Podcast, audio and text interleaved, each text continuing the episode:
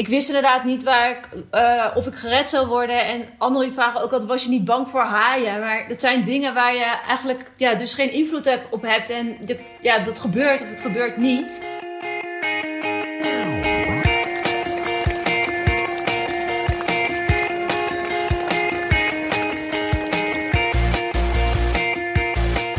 Welkom bij de 49e aflevering van Suzy Q&A, de podcast over hardlopen, training en wedstrijden. Ik ben Oliver Heimel, hoofdredacteur van Runners World en aan de lijn heb ik Olympisch atlete Susan Crummes en triatlete Els Visser, die deze week haar boek uitbrengt Geen Zee te hoog. Suzanne, eerst naar jou. Uh, gelukkig nieuwjaar. Hoe heb je het gevierd? Uh, ik heb het groots gevierd. Ik ben namelijk tot 12 uur opgebleven. Dat is wel echt bijzonder. Oh, ik moet zeggen dat ik het jaar daarvoor was ik ook tot 12 uur opgebleven. Maar toen was het natuurlijk in Australië. En toen zat ik op een boot. En het was een helemaal speciaal feestje en zo. Ehm, maar eigenlijk in de jaren daarvoor haal ik 12 uur nooit. Dus uh, ja, nu voor de eerste keer wel weer. Maar uh, we hebben het niet, uh, eigenlijk niet heel groot gevierd. Gewoon met Andrew thuis. Lekker gegeten. En nog een beetje vuurwerk gekeken. En dat was het eigenlijk.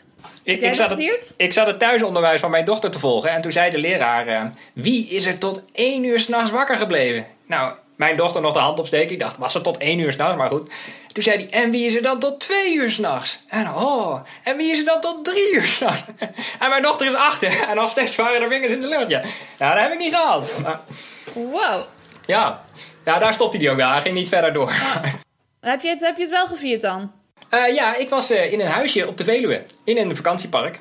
En uh, ja, het vakantiepark was verder natuurlijk dicht, het zwembad en zo. Maar het huisje aan de rand van het bos was heel mooi. Enige nadeel was, ik kwam aan en toen um, stond de badkamer onder water omdat het toilet lekte. Dus toen moesten we na, na een uur naar een ander huisje, want anders hadden we geen toilet. En ja, één huisje onthouden is al lastig, maar het tweede huisje onthouden is natuurlijk echt heel lastig. Toen ging ik hardlopen, toen kwam ik terug. Toen was het natuurlijk pikken donker. En ik, had, ik, kon het ene huisje denk ik nog wel vinden, maar het tweede huisje absoluut niet meer. Dus ik moest op de tast, want in de Veluwe is dus alles donker. Ik denk voor het wild. Uh, moest ik dat huisje proberen te zoeken. En, en die lantaarns die zijn allemaal een soort glow in the dark, zeg maar. Die verlichten zichzelf, maar die, die verlichten verder helemaal niks. Dus ja, op een gegeven moment, na een half uur, kwam ik andere mensen tegen die ik heb overtuigd om terug te gaan naar hun huisje om een kaart te halen. En toen hebben we met. Oh, hun... je hebt met hun gevierd? nee, dit was niet.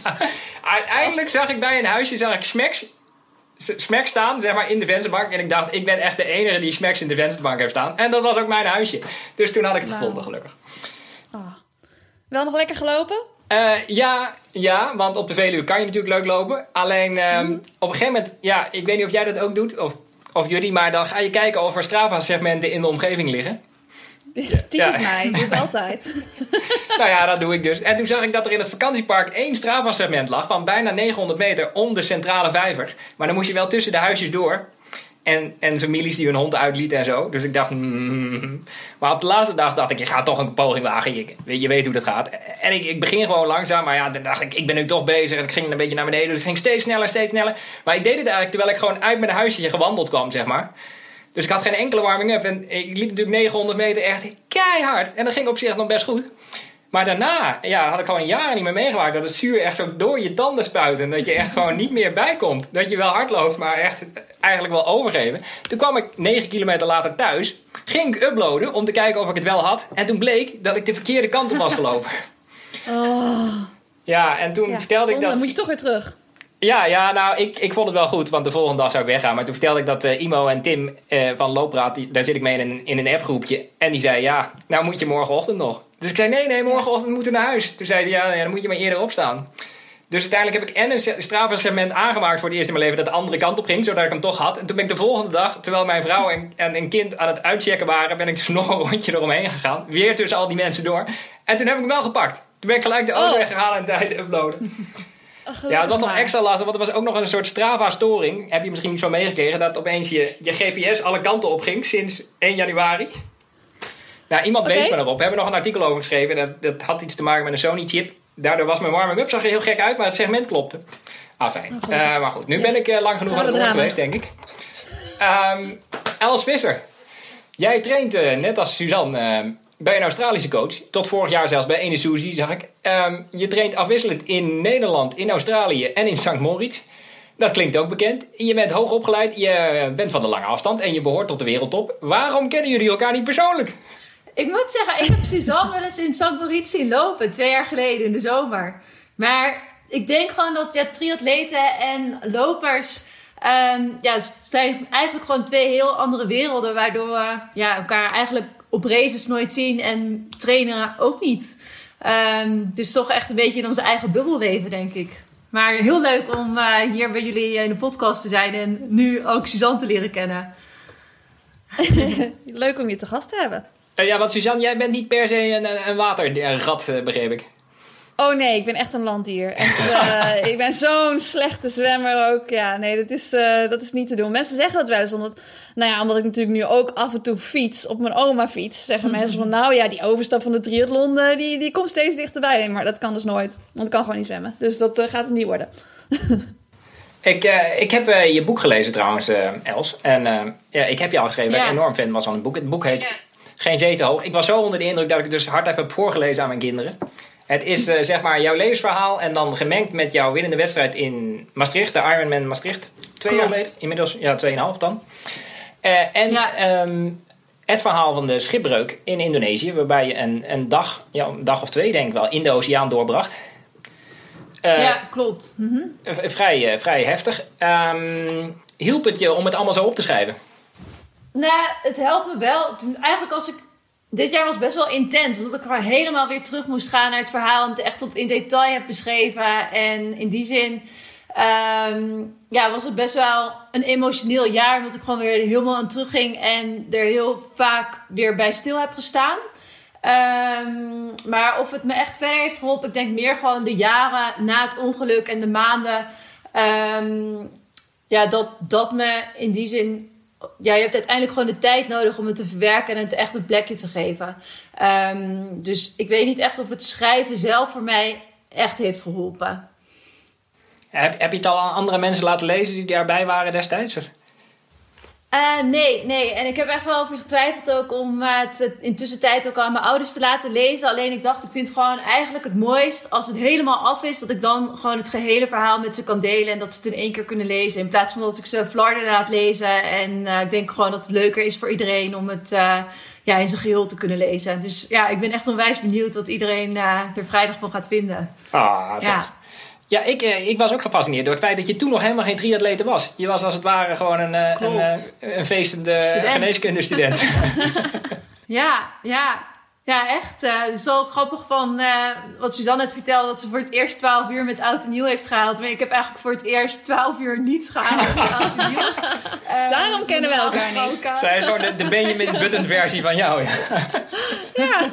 Ik draai het een beetje om. Dus ik heb echt mijn studentenleven geleefd en eh, ja, nu helemaal met die sport bezig. Maar eh, ja, dat klopt. Ik was helemaal eh, nieuw nog in de... Ik ben eigenlijk ja, helemaal nieuw in de triathlon. En eh, ja, toen ik in Indonesië die schipbreuk heb geleden, toen deed ik nog niet aan, eh, ja, nog niet aan sport. Een beetje hardlopen. Rondje single in Utrecht. Maar wist Ja, je ja, wel dat ja, je goed kon ik- zwemmen? Wi- Wist je dat of niet? Ik heb vroeger wel wedstrijd gezwommen, dus in die zin eh, beheerste ik alle slagen. Ehm, maar eh, ja, eigenlijk op dat moment had ik ook al heel lang niet meer in het eh, ja, zwembad gelegen. ja, want ik dacht ook, toen ik het boek las, jij, jij zwom, het, het schip verging en jij zwom naar, naar een eiland, wat, eh, wat wel 30 kilometer verderop lag misschien. eh, samen met een Australische in de 50, die, een oud lerares. Maar met terugwerkende kracht Ja. zwom zij dus al die tijd mee met, met een hele goede triatlete. Dat zou me wel heel trots Ja. maken. Ja, ja wij, zij had wel eh, flippers aan. Dus daar eh, had zij dan weer een soort van voordeel aan. Dus ik moest eigenlijk een soort van hard zwemmen om haar te kunnen bijhouden. Ehm, maar eh, ja. Weet zij wel dat je, dat je daarna een hele nieuwe carrière bent begonnen? ja, we hebben echt nog wel contact. En ik heb ook maandelijkse nieuwsbrieven die ik schrijf. En die stuur ik ook altijd naar haar toe. En af en toe dan krijg ik een update, van haar. Zij is overigens niet uit Australië, maar uit Nieuw-Zeeland. Oh ja. En eh, reist ook ehm, ja, heel veel rond. Dus dan eh, krijg ik weer eigenlijk mooie reisverslagen van haar. Wat ze daar allemaal aan het doen is. En eh, ja, op die manier hebben we nog wel contact. En ik hoop echt dat er nog een keer een moment gaat komen dat ik ja, haar weer terug kan zien. Dat is prachtig, want jullie kwamen op een onbewoond eiland en daar hebben jullie nog een nacht doorgebracht en uiteindelijk werden jullie gered. Even voor de luisteraars die denken, wat, is dit voor ja, wild verhaal? Ja, dus we zwommen uiteindelijk naar een eiland wat onbewoond bleek te zijn. Nog een nacht op het eiland geslapen. En eh, toen die ochtend daarna, toen zijn we eigenlijk per toeval ontdekt door een eh, voorbijvarende boot. En toen, eh, ja, gered. Maar je had acht uur gezwommen, toch? Acht, acht uur was het, Ja, ik, ik weet niet hoe lang het precies is geweest, maar we zijn in de vroege ochtend zijn we vertrokken met uh, zwemmen. En vlak voor zonsondergang zijn we het eiland, uh, ja, het eiland bereikt. Dus ja, ik denk dat het uh, ongeveer acht uur is geweest. Wow. Ja. Oh, wauw. Ja. En, en, maar een paar jaar later kom je dus in de triathlon terecht. En dat heeft een heel hoge... Ik heb het nooit gedaan, dus ik denk dat ik het wel kan gehaald. Want jij kwam ook bij die trainingsgroep en je zei... over tien maanden wil ik de Ironman in Hawaii doen. nou, niet in Hawaii, maar ik zei van, nou ja, over tien maanden wil ik graag een Ironman finishen. En uh, ik had in die tussentijd had ik al een keer een marathon gelopen. En ik deed mijn onderzoek bij de chirurgie in het UMC Utrecht. En ja, daar houden we ook allemaal wel een beetje van uitdagingen. Dus ik kwam uh, daar op mijn werk en ja, zij wisten ook wel dat ik die marathon had gelopen. En ik had toen toevallig voor het eerst een keer een uh, gedaan. En toen begon een van mijn collega's te grappen over de Ironman races. Van, nou ja, Els, moet je die niet uh, op je bucketlijst schrijven? En ik had er nog nooit over gehoord. En toen ben ik dat gaan opzoeken. En toen dacht ik eerst van, nou weet je, dat is echt gewoon te bizar dit. En hoe kan je in godsnaam zo'n race finishen als dit? Um, alleen toen bleef ik toch filmpjes en video's kijken. En toen dacht ik wel van, ja, hoe vet gewoon om dit als een uitdaging te gaan zien. En hoe gaaf als je gewoon zo'n race als deze kan finishen. Dus toen dacht ik van, nou, ik ga het gewoon doen. En uh, had ik me ingeschreven bij de lokale triathlonclub in Utrecht. En met de vraag eigenlijk van, uh, ja, hoe kan ik in godsnaam over tien maanden een uh, Ironman finishen? En kunnen jullie mij daarbij helpen? Ja. En dat is allemaal gelukt, ja. ja, ja, ja. Dus ik heb, uh, ja, toen bij Hellas heb ik onwijs veel getraind. En een coach genomen die mijn schema's maakte. En uh, tien maanden later stond ik aan de start in uh, Zwitserland. Wat, was het ook een beetje makkelijker de eerste keer? Omdat je gewoon nog niet weet hoe gruwelijk het allemaal wordt? Het is gewoon dat je op een heel andere manier nu aan het racen bent. Dus ik ben nu echt aan het racen om die wedstrijden te winnen. En je gaat er ook op een hele andere manier in. En je race tegen je tegenstanders. En je race op een andere intensiteit. En op het moment dat ik mijn eerste Ironman race, was het meer gewoon... De uitdaging was om die race te finishen. Dus ik ging er ook in met de lagere intensiteit. En ik was echt gewoon nog een beetje aan het high-five en aan het zwaaien naar mijn familie die langs de kant stond. En uh, veel minder bezig met het uiteindelijke resultaat, maar meer gewoon om die lijn uh, te halen. Dus in die zin is de ervaring tijdens een race nu wel heel anders dan die allereerste keer. Absoluut. Ik, uh, ik wou trouwens ook nog een paar woorden uit het boek noemen, een paar begrippen. En ik dacht, dat is, dat is wel geinig. Het eerste wat ik tegenkwam was ja. niet Susan. Ik weet niet of ik het goed uitspreek. Night Susan? Night Susan. ja, dan moet je uit Groningen voor komen om dat te kunnen verstaan. en het betekent ja. zoiets als... Ja, nooit zoezen van uh, niet te veel lullen, maar gewoon doen. Weet je, doe niet te moeilijk en uh, ja, ga er maar gewoon voor. Ja, spring gewoon het water in. Precies. Um, ja, de, de, tweede was uh, nutrition is the fourth discipline. Is dat iets wat triatleten tegen ja. elkaar zeggen? Nou, dat is wel echt zo. En ik heb dat echt ook al tijdens verschillende races ervaren. En het is natuurlijk, we zijn negen uur ongeveer aan het racen. Um, dus je kan lichamelijk kan je nog zo fit zijn en zo getraind zijn. Maar als je die voeding niet goed hebt, dan ga je gewoon die finish niet halen. Je hebt gewoon echt die suikers nodig om, ja, je, uh, die, je hebt die brandstof gewoon nodig om te kunnen um, ja, presteren en naar die finishlijn toe te komen.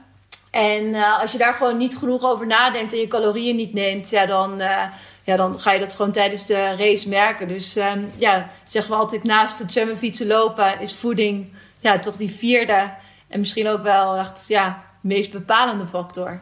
Maar het is dus... Wat ik me trouwens afvraag, over als je gaat zwemmen, tijdens het zwemmen, denk je dan aan de andere onderdelen? Of ben je echt alleen maar in het moment met dat ene onderdeel bezig en...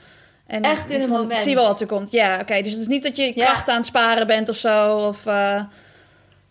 Eigenlijk niet. Je moet wel natuurlijk, je weet wel dat je negen uur uh, aan het race bent die dag. Dus je kan niet uh, all-out gaan en mm -hmm. um, op superhoge intensiteit, op, op de allerhoogste intensiteit weggaan. Maar op het moment als ik bijvoorbeeld ook die 180 kilometer aan het fietsen bent, dan denk, dan denk ik niet van na 10 kilometer, oh, ik moet nu nog 170 en nog zo lang. Dan natuurlijk echt van, oké, okay, nu het, het maximale uit deze 10 kilometer halen. En, uh, mm. Of uit, uit deze kilometer. En um, ja, niet nadenken over wat er nog gaat komen. Ja, je moet ik weet niet of het je... anders is met lopen, maar... Nee, ja, het een beetje hetzelfde. Maar je moet natuurlijk wel iets alerter zijn als het een kortere afstand is. Maar dat je gedachten uitschakelen. Niet iedereen kan dat natuurlijk. Maar ik vind het wel interessant met, nou ja, met je ongeluk toen je natuurlijk ook acht uur gezwommen hebt. Ik denk dat je toen ook niet gedacht hebt van... nou, hoeveel meter is het nog, toch? Dus het is dat je weet dat je Nee. dat kunt. Denk je dat dat Ja. je helpt ergens? Dat je dat ongeluk hebt gehad voor je, voor je wedstrijdsport? Of denk je dat het, dat het gewoon altijd al in je zat en dat dat ja, uiteindelijk niks uitmaakt? Ik denk wel dat het altijd al wel in me zat, maar dat doordat ik wat ik in Indonesië heb meegemaakt, dat het me dat gevoel heeft versterkt. En dat ik nog meer eigenlijk op mijn lichaam en geest kan vertrouwen, omdat ik dat toen heb doorstaan. Dat ik nu denk, ja, dat kan ik nu ook. En wat je ook zegt, inderdaad, gewoon heel erg tijdens dat zwemmen naar dat eiland was echt gewoon zwemmen, zwemmen, zwemmen. En ik had geen idee of ik dat eiland zou halen en hoe lang ik zo nog zou moeten. Maar het enige wat ik kon doen was op dat moment zwemmen. En ehm, ja, zo sta ik inderdaad nu ook echt wel in die races. Dus ehm, als ik aan het lopen ben, echt kilometer voor kilometer. En misschien van aidstation naar aidstation. Zonder echt te veel na te denken over wat er gaat komen. Het is heel erg ja, procesmatig. Ja, Ja. mooi. Ja. Ik las ook in het boek dat je, toen je aankwam op het eiland, dan, toen was je natuurlijk nog niet gered. En, en toen Nee. las ik dat je, dat je met, met schelpen pijlen ging maken of zo, om, zodat mensen Ja. wisten waar je was. En ik vond het wel interessant dat je, dat je dat nou ja, fijn vond om een kleine taak te doen, omdat je een gevoel van doelgerichtheid gaf of zo. Is dat, is dat iets wat je ook in de sport gebruikt? Mm.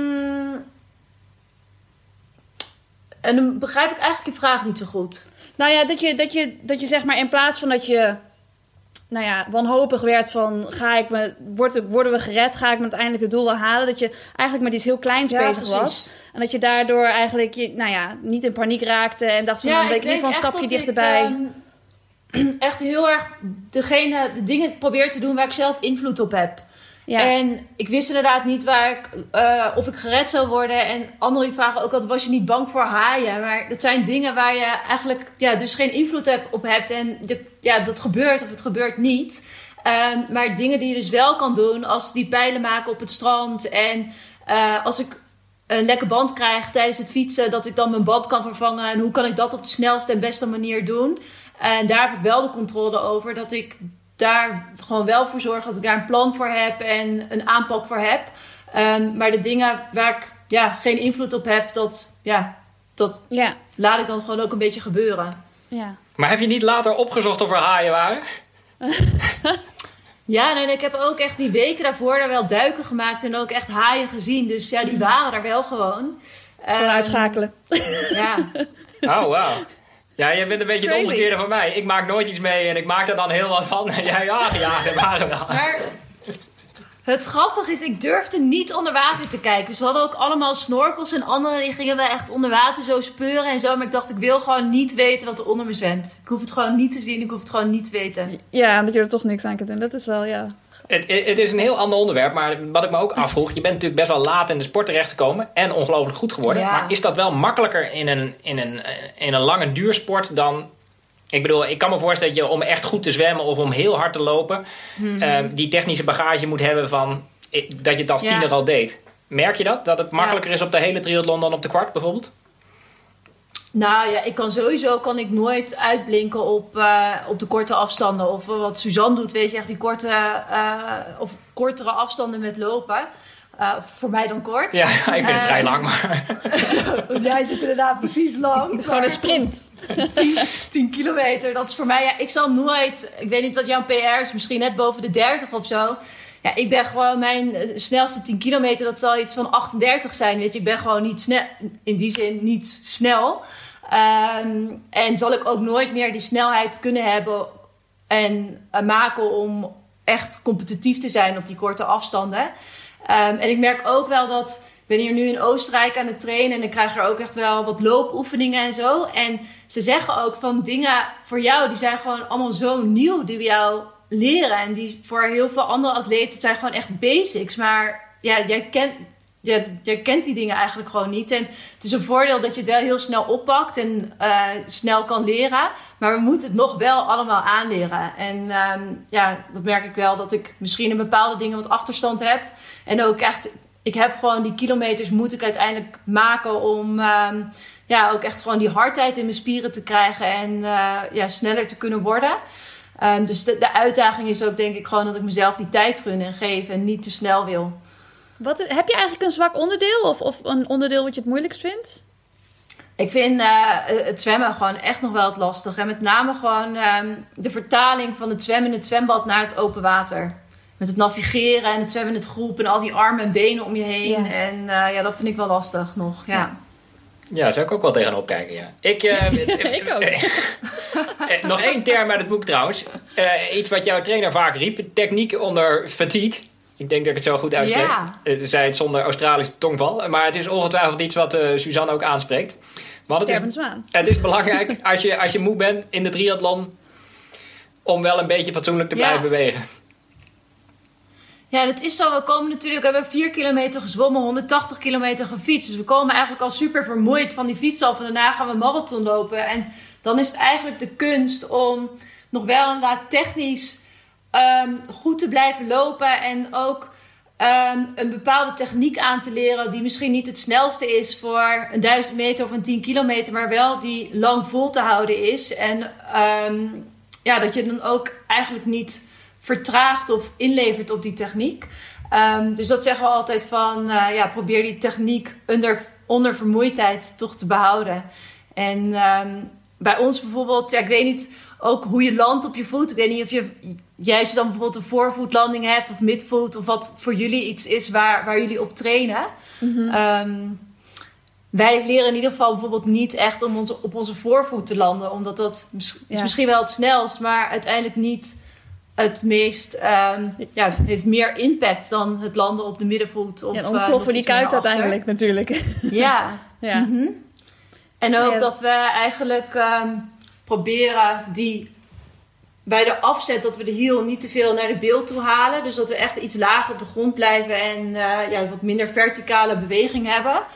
Um, wat misschien op de kortere afstanden langzamer is, maar wat je dus wel langer kan volhouden. Ja, je gaat natuurlijk ook helemaal vermoeid die, die marathon in. Dus dat is sowieso al natuurlijk heel anders dan, dan dat je alleen maar een hardloopwedstrijd doet. Uh, ja, want je fietst ook een beetje ja. op je voorvoet, toch? Als je in toeclips zit. Ik zit eigenlijk nooit in toeclips, maar... Ja, ik heb um, bij mijn schoenen heb ik eigenlijk die, die voetplaatjes echt zoveel mogelijk ook naar achter geschoven. Um, maar ze zitten ja, een beetje rond de, rond de middenvoet. Ja. Ik heb wel van, van nature heb ik een vrij soort van spitse voet met fietsen. Daar krijg ik altijd opmerkingen ook over. Van uh, Els, ik denk dat je met lopen nog last van je kuiten gaat krijgen. Omdat ik zo gespitst op mijn, uh, op mijn fiets zit. Ja, het is een beetje de natuurlijke houding die ik heb. En ik vertel wel eens over de triathlon. Op, op feestjes. Uh, dan kan ik natuurlijk nooit vertellen dat ik er één gedaan heb helaas. Maar dan, dan vind ik altijd het indrukwekkend die 180 kilometer fietsen. Gewoon omdat zwemmen, dat ja. zegt me niet zo heel veel. Dat zijn gewoon heel veel baantjes van 25 meter, maar dat is een beetje abstract.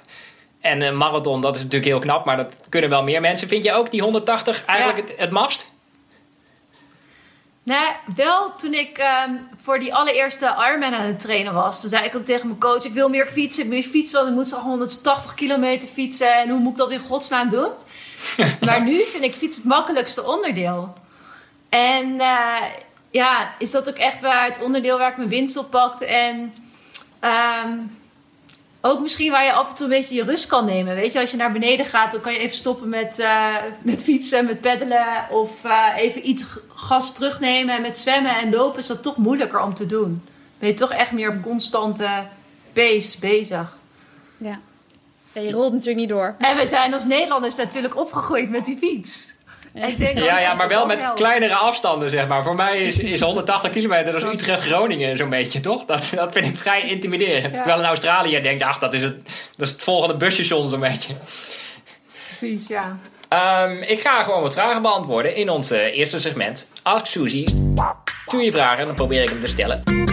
Een vraag van uh, zo hootje. Uh, het zijn allemaal Instagram namen, dus dan weet je wat er gebeurt.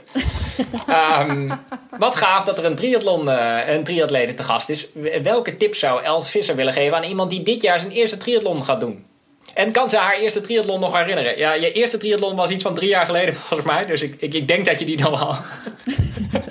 ja, dat was een uh, sprint triathlon in uh, Amsterdam. En ik denk vooral dat het echt belangrijk is om een groepje mensen om je heen te vinden. Dat je samen kan trainen. Want dat is uiteindelijk gewoon. Je moet veel uren maken. En het is gewoon gezellig als je dat met anderen kan doen. En misschien ook aansluiten bij een uh, lokale triathlonclub. Om ook gewoon uh, ja, op die manier van hun wat tips en tricks te krijgen. En um, ik zou ook vooral gewoon uiteindelijk heel erg focussen op het trainen. In plaats van heel erg van oh, het beste materiaal aan te schaffen. Uh, qua fietsen ook. Van, uiteindelijk heb je ook gewoon voldoende aan een racefiets en een. Uh, in die zin simpele helm. Het hoeft niet allemaal. Oh, ik dacht dat je een oma-fiets ging zeggen. Ik dacht, dat kan nog. dat kan nog. Ja. Maar er zijn, het hoeft in ieder geval niet allemaal top van de top. Focus gewoon lekker op het trainen. En um, ja, ook niet. Um, uh, ja, denk ik echt te. Uh, tot in detail alles gaan doen, maar gewoon lekker gaan fietsen, zwemmen en lopen. Ook een beetje op gevoel en uh, vooral het plezier erin zoeken. En zorgen dat je fiets niet op slot staat bij het wisselpunt. een vraag van Sander Grootmans. Hoe combineer je in godesnaam je medische werk met je sportieve ambities? Uh, jij bent inderdaad ook nog uh, best wel indrukwekkend aan de weg aan het timmeren. In, in het medische, als ik dat zo zeg. Volgens mij ben je onlangs gepromoveerd, toch? Ja. Ja, ik ben vorig jaar november heb ik mijn promotieonderzoek afgemaakt. En ik was er voor de triathlon al mee begonnen. En ik vond het eigenlijk ook gewoon heel belangrijk dat ik dat zou, dat zou afmaken. Um, en met name in 2019 was het wel echt pittig. En heb ik misschien ook iets minder getraind dan mijn teamgenoten. En uh, ja, wat minder rust gepakt. Um, alleen ik denk dat uiteindelijk... Ja, wat ik net ook zei, ik vond het gewoon echt heel belangrijk om het af te maken. En dat het me nu ook echt een sterkere atleet heeft gemaakt. Ondanks dat ik misschien een tijdje iets minder kon trainen. Maar dat ik nu wel gewoon het gevoel heb van wauw, ik heb het gewoon afgemaakt. En ik heb dat op zak. En uh, hoe ja, mooi ook dat ik dat heb afgerond. En uh, neem ik dat nu alleen maar weer mee als atleet zijnde. En uh, het is gewoon echt die balans opmaken. En ook niet te bang zijn om gewoon een keer een training over te slaan als je even vermoeid bent of er niet uitkomt. Dan is het denk ik beter om even pas op de plaats te nemen dan geforceerd die training nog te doen. Weten speakers eigenlijk dat je gepromoveerd bent? Hoor je dan Dr. Visser? Is dat niet echt Nee, het is wel grappig. Soms dan zeggen ze ook van... Oh Els, wanneer ga je je titel veranderen en zo. Maar ik zeg altijd, ik ben gewoon nu triatleet. Weet je? Dus ik hoef niet als arts gezien te worden. Ik ben gewoon nu triatleet. Een van jullie. Ja. ja. Um, een vraag aan Suzanne dan, van Mini Verheij. Heb je een nieuwjaarsduik gedaan? ja, dat had ik nog geroepen, hè, dat ik dat ging doen. Want ik had zoiets van, ja, dat is toch wel mijn kans. Ik ben natuurlijk normaal nooit in Nederland tijdens oud en nieuw. Dus ja, ik zou het wel eerder in Australië doen, denk ik. Daar is het water toch net wat warmer, toch? Ja, ik weet ook wel dat er wel eens een hele groep Nederlanders is... die dat ieder jaar blijkbaar wel ergens doet in, in Australië. Maar ja, dat stelt natuurlijk niks voor. Maar uh, ja, weet je... Ik, uh, ik heb gewoon echt een hekel aan zwemmen. En ook aan koud water. Dus ik weet ook niet waarom ik het zei. Het was meer zoiets van... ik ben nu in Nederland, misschien moet ik dit doen... Uh, maar op 1 januari dacht ik van nee, we gaan het helemaal niet doen. we gaan het helemaal niet doen. Blijven lekker op het land. dus helaas.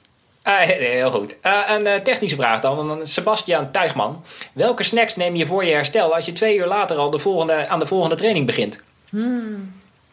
Ja, dat is altijd echt een uitdaging. Dat ik echt gewoon heel snel een soort van eten kan pakken om maar gewoon ehm, nog even daarna een momentje rust te hebben voordat ik weer naar de volgende training moet. Um, maar eigenlijk is het gewoon heel vaak ook brood met um, of eieren met wat bacon, um, champignons, spinazie, tomaten of een keer gewoon broodje pindakaas, um, bananenpannenkoeken, eiwitten, dus al yoghurt met wat noten, fruit. dus in die zin, ik probeer wel ja, te denken, dus in ieder geval aan de eiwitten, dat ik die binnenkrijg en goed aan mijn vitamine te komen en groente en fruit.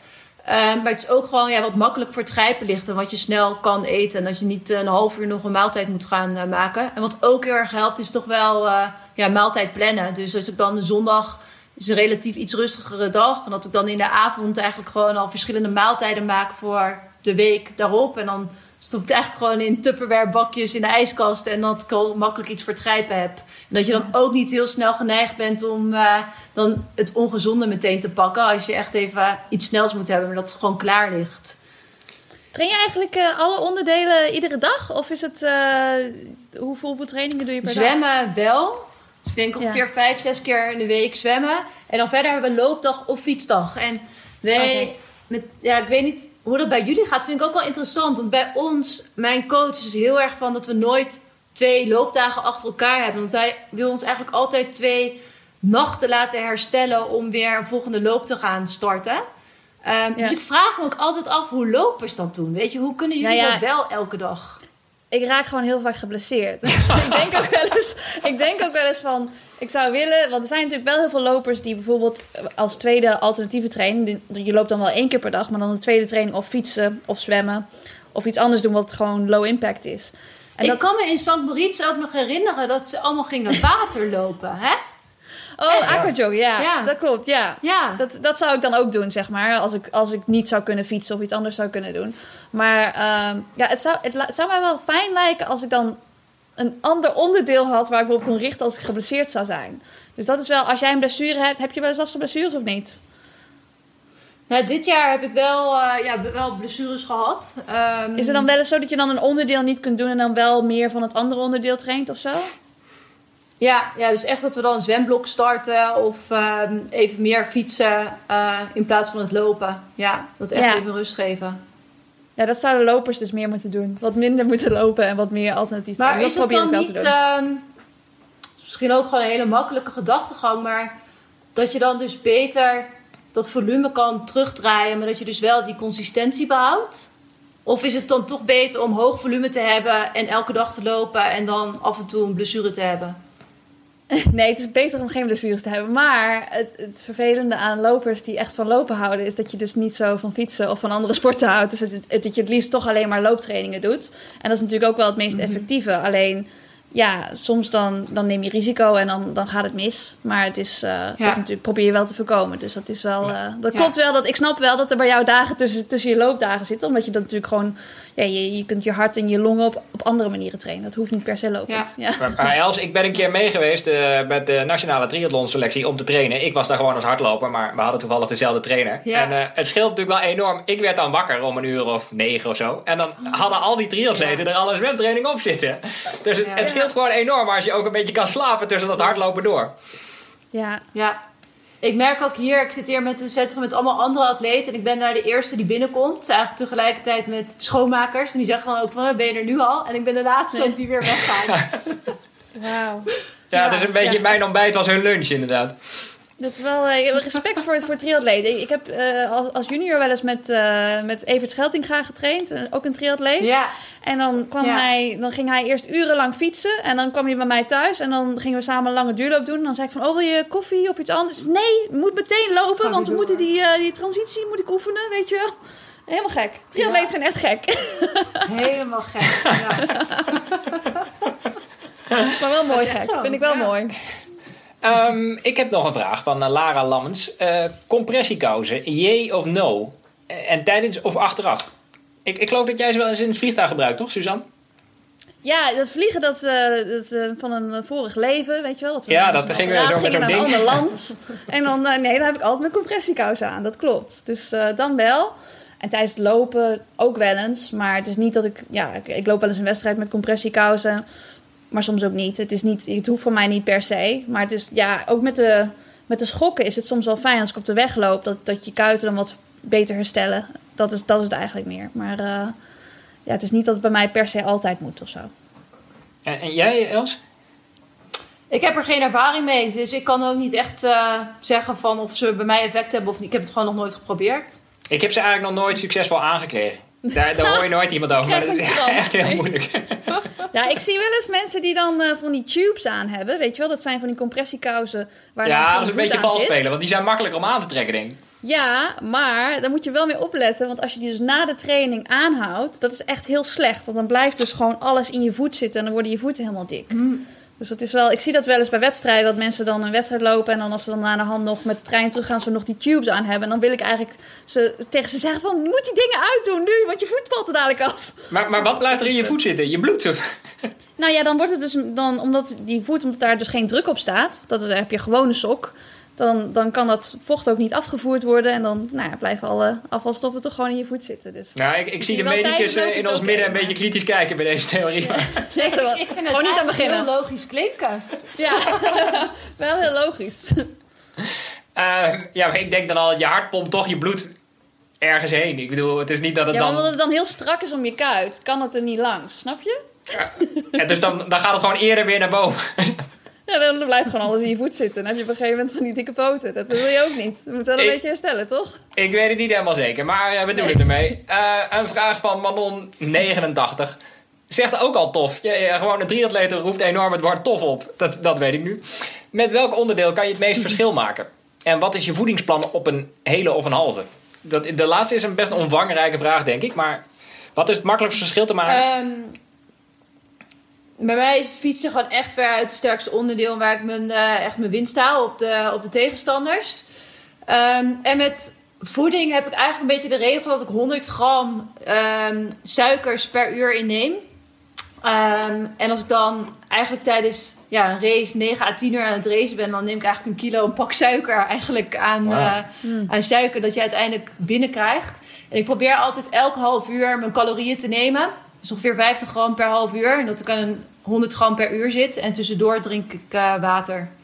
Maar zijn Dus dat, dat is eh, eigenlijk wel een beetje de standaardregel. En ook Zijn- cafeïne nog. zijn, zijn, is dat allemaal sportvoeding? Gebruik je allemaal gels en drank? Of ook gewoon eh winegums en een, banaan of zo? Of, of geen gewoon eten? Nee, ik krijg- probeer altijd wel aan één merk sportvoeding daar aan vast te houden. Omdat mijn maag dan ook echt precies weet wat er binnenkomt. En niet de hele tijd dat ik van smaak ja, aan het wisselen ben. Of substantie. En op met het fietsen dan eet ik nog wel eens een reep. Alleen met lopen hou ik het echt gewoon bij gels. Omdat het gewoon makkelijker ook te verwerken is. Ehm, en ja, lopen dan de, de gels. En tijdens het fietsen doe ik eh, in mijn bidon een mix met poedervorm. Wat ik aanleng met water. Ja. Ja. En er is dan een Ik combinatie had gehoopt dat je nu iets heel gek zei. Zo van, eh, ja, ik gebruik altijd... eh Augurken die, met snoep citroen. en Nou, ik of zo. heb wel een verhaal, want mijn allereerste pro-race in Australië, was in West-Australië. Toen hadden mijn coaches gezegd dat hun Olympisch kampioen eh, haar race had gewonnen op Ferrero Rochers, die chocolaatjes, weet je? Hoe je dat ook uitspreekt. Best Dus gedacht, ook, Je moet gewoon eten wat je lekker vindt. Dus Ja. toen had ik echt repen met chocola gekocht en allemaal gewoon in mijn fietspak eh, gezet, eh, gestopt. En toen begon ik die te eten, maar dat was natuurlijk helemaal gesmolten. Ehm, dus ik kon echt met geen mogelijkheid die chocola uit het bakje halen. Ik zat echt te klooien op mijn fiets. En gewoon Helemaal bruine rug. calorieën binnengegeten. Helemaal bruine rug.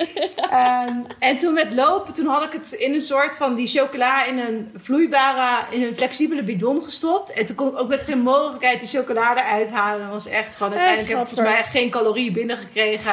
En eh, is die race ook niet goed afgelopen. Oh jee. Nog goed dat je niet van Poesie hield. maar-. Je had gewoon zo'n eh, zo'n pot Nutella mee moeten nemen en dan een rietje erin. Dat is... Ja, eh, precies. Ehm, eh, nog een vraag van Sander Goopmans, die net ook al een vraag stelde. Eh, heeft de schipbreuk je als mens en sporter veranderd? Je behandelde net al een beetje. Heeft dit je als mens veranderd? Dat... Nou, ik denk wel dat ik echt gewoon heel erg uiteindelijk meer ben gaan leven. En gewoon echt meer verplukte dag en eh, kansen grijpen en geen dingen er meer uitstellen. En ehm, ja, in die zin echt het uiterste proberen eruit te halen. In plaats van heel erg na te denken, oh, waar wil ik over tien jaar staan. Maar als ik nu gewoon ergens een passie voor heb en ergens waar ik energie uit kan halen. En ook denk dat ik daar goed in ben, van ga er maar gewoon voor. En probeer het maar gewoon. En ehm, als het dan niet lukt, dan heb je het in ieder geval geprobeerd. En je kan er altijd alleen maar spijt van krijgen, denk ik, als je het niet probeert. En ik denk meer dat ik met zo'n instelling wel ben gaan leven na wat ik in Indonesië heb meegemaakt. Ja. Ik vond ook wel dat je een heel... eh, je, je, je bes- besprak het allemaal heel empathisch. Ik zou me ook een beetje gaan ergeren aan die andere mensen in de schipbreuk. Eh, maar jij leek iedereen wel heel aardig te vinden. En, en Ehm, nou, ik moet zeggen dat ik me wel in de ochtend met name een beetje ging irriteren aan sommige andere mensen. En toen in de ochtend hadden we ook opeens twee opties. Of bij die boot blijven of zwemmen. En tijdens maar jullie zaten zeg maar op het wrak, even voor de luisteraars. Precies, ja. ja. En in de nacht, toen was er maar één optie, namelijk wachten met elkaar. En was het in die zin dus ook, viel er niet zoveel te discussiëren. Maar toen in de ochtend dat het eiland opeens zichtbaar werd... en sommigen wilden zwemmen en anderen bij dat wrak wilden blijven... toen werd het wel gewoon lastig van, ja, wat gaan we nu doen? En toen kon ik me wel ook irriteren aan mensen... die dan ehm, ja, andere mening hadden of dachten beter te weten. Ehm, alleen... ehm, ja, wat, wat doe je dan ook, weet je? Ja, uiteindelijk eh, probeer maar gewoon rustig te blijven. En oké, dat is jullie mening. En ik denk er zo over. En uiteindelijk ja, heb ik gewoon voor mezelf die beslissing genomen om weg te gaan. Ja. Ja, ja, ik moest ook even teruglezen. En uiteindelijk, we degene die bij dat wrak zijn gebleven, dat was voor hun ook de beste beslissing. Ja. Die Want zij zijn ook gered. Die durfden niet eens het water. Zij zijn uiteindelijk ook gered, ja. ja, niet iedereen kan Ehm. acht uur zwemmen ook, denk ik, toch? Nee. Dat is, eh, Suzanne was gewoon op dat echt gewoon- ik had geen keus gehad. Nee. Want ik, ik dacht eerst tijd ook, waarom bellen jullie niet iemand? Maar jullie waren gewoon helemaal buiten het bereik. Echt midden op de oceaan. Ja, ja, dus echt op het moment dat we hoorden dat we aan het zinken waren, was 11 uur 's avonds, toen was iedereen gewoon met de mobieltjes in de weer en noodnummers bellen. En we hebben alles geprobeerd, maar het is gewoon duidelijk meteen al dat er gewoon geen bereik was en dat we geen alarm konden slaan. En dat was ook echt eigenlijk mijn grootste eh, angst en bezorgdheid. Ik dacht van, als iemand uiteindelijk weet dat wij hier aan het zinken zijn, dan worden we wel gered en dan houden we het hier nu wel vol in zee, maar niemand is naar ons op zoek. En onze eindbestemming was pas twee dagen later. En die dagen daarvoor had ik helemaal geen andere boten gezien. Dus ik dacht, ja, hoe gaan ze hier ons in godsnaam vinden? Ja, ja, ja. Ja, ik kwam ook nog een vraag of je nog contact hebt. Dat hebben we net ook een beetje behandeld. Of je nog contact hebt met andere mensen Ja. aan die boot. Er waren ook een paar Ja, Nederlanders. er waren ja, precies vier andere Nederlanders, twee Nederlandse koppels. En daar nog wel echt wel regelmatig contact Ja. mee. En het is ook, ja, we kenden elkaar maar één dag. Maar we hebben nu zo'n bijzondere band met elkaar. En dat is echt, echt ja, eigenlijk heel mooi nu hoe warm dat is. En elke keer als we elkaar zien, dan ja, dat is het gewoon echt onwijs bijzonder. En dan zeggen we ook van hoe bijzonder het ook is dat we dan gewoon zo'n avond nog gewoon weer met elkaar mogen meemaken. Weet je, en dat we er dan gewoon met z'n allen nog zijn. Ja. Ja, dat is heel mooi. Goh, ehm, heb je ook een vraag voor Suzanne of voor mij? Mail hem dan naar mijn adres olivier.heimel.heurs.nl En wie weet komt jouw vraag dan in de volgende podcast. Ik moet even overschakelen, sorry. Eh, Els, wa- wat zijn jouw doelen dit jaar? Oh, Reza? Is eindelijk weer kan? Zijn jullie ook van de virtuele races, triatleten? Of is dat echt een beetje te gek om gewoon zelf in je wel te gaan van die liggen? Zwift races en zo. Dat eh, met binnenfietsen alleen. Ik ben er echt zelf helemaal niet van. Ehm, dus ja, dat doe ik niet. Dus ja, mijn doelen zijn gewoon echt eh, ja, nu nog een beetje rustig houden. En dan hopelijk in de zomer dat ik ergens weer aan de startlijn kan staan en eh, kan racen. En voor ons is de grootste race de race in Hawaii, in Kona. En dat is altijd het tweede weekend van oktober. En daar moet je voor Ja, kwalificeren. Dus ik eh, ja, hoop me daarvoor te kunnen kwalificeren. En in eh, Almere is dit jaar ook een hele grote race. Dus het lijkt me ook wel leuk om daar als eh, Nederland eh, aan de start te mogen staan. Ehm, dus eh, ja. En wanneer vooral is die? In Almere? veel- Is dat vroeg ook? Of September. September? Oh. Oh, oké. Dat is wel een grote Ja. kans dat het, dan Ja. weer, eh, dat het dan weer een beetje doorgaat. Absoluut. Ja, denk het Ja. ook. Het zit best wel kort tussen die twee races dan. Ik bedoel, eh, marathonatleten Ja, mogen een half jaar uitrusten. Maar jullie mo- moeten dan alweer. Nou, dat vind ik dus ook wel. Ja, wij, eh, Ja. ik race wel eens eigenlijk mijn max denk ik vijf volledige triathlons per jaar.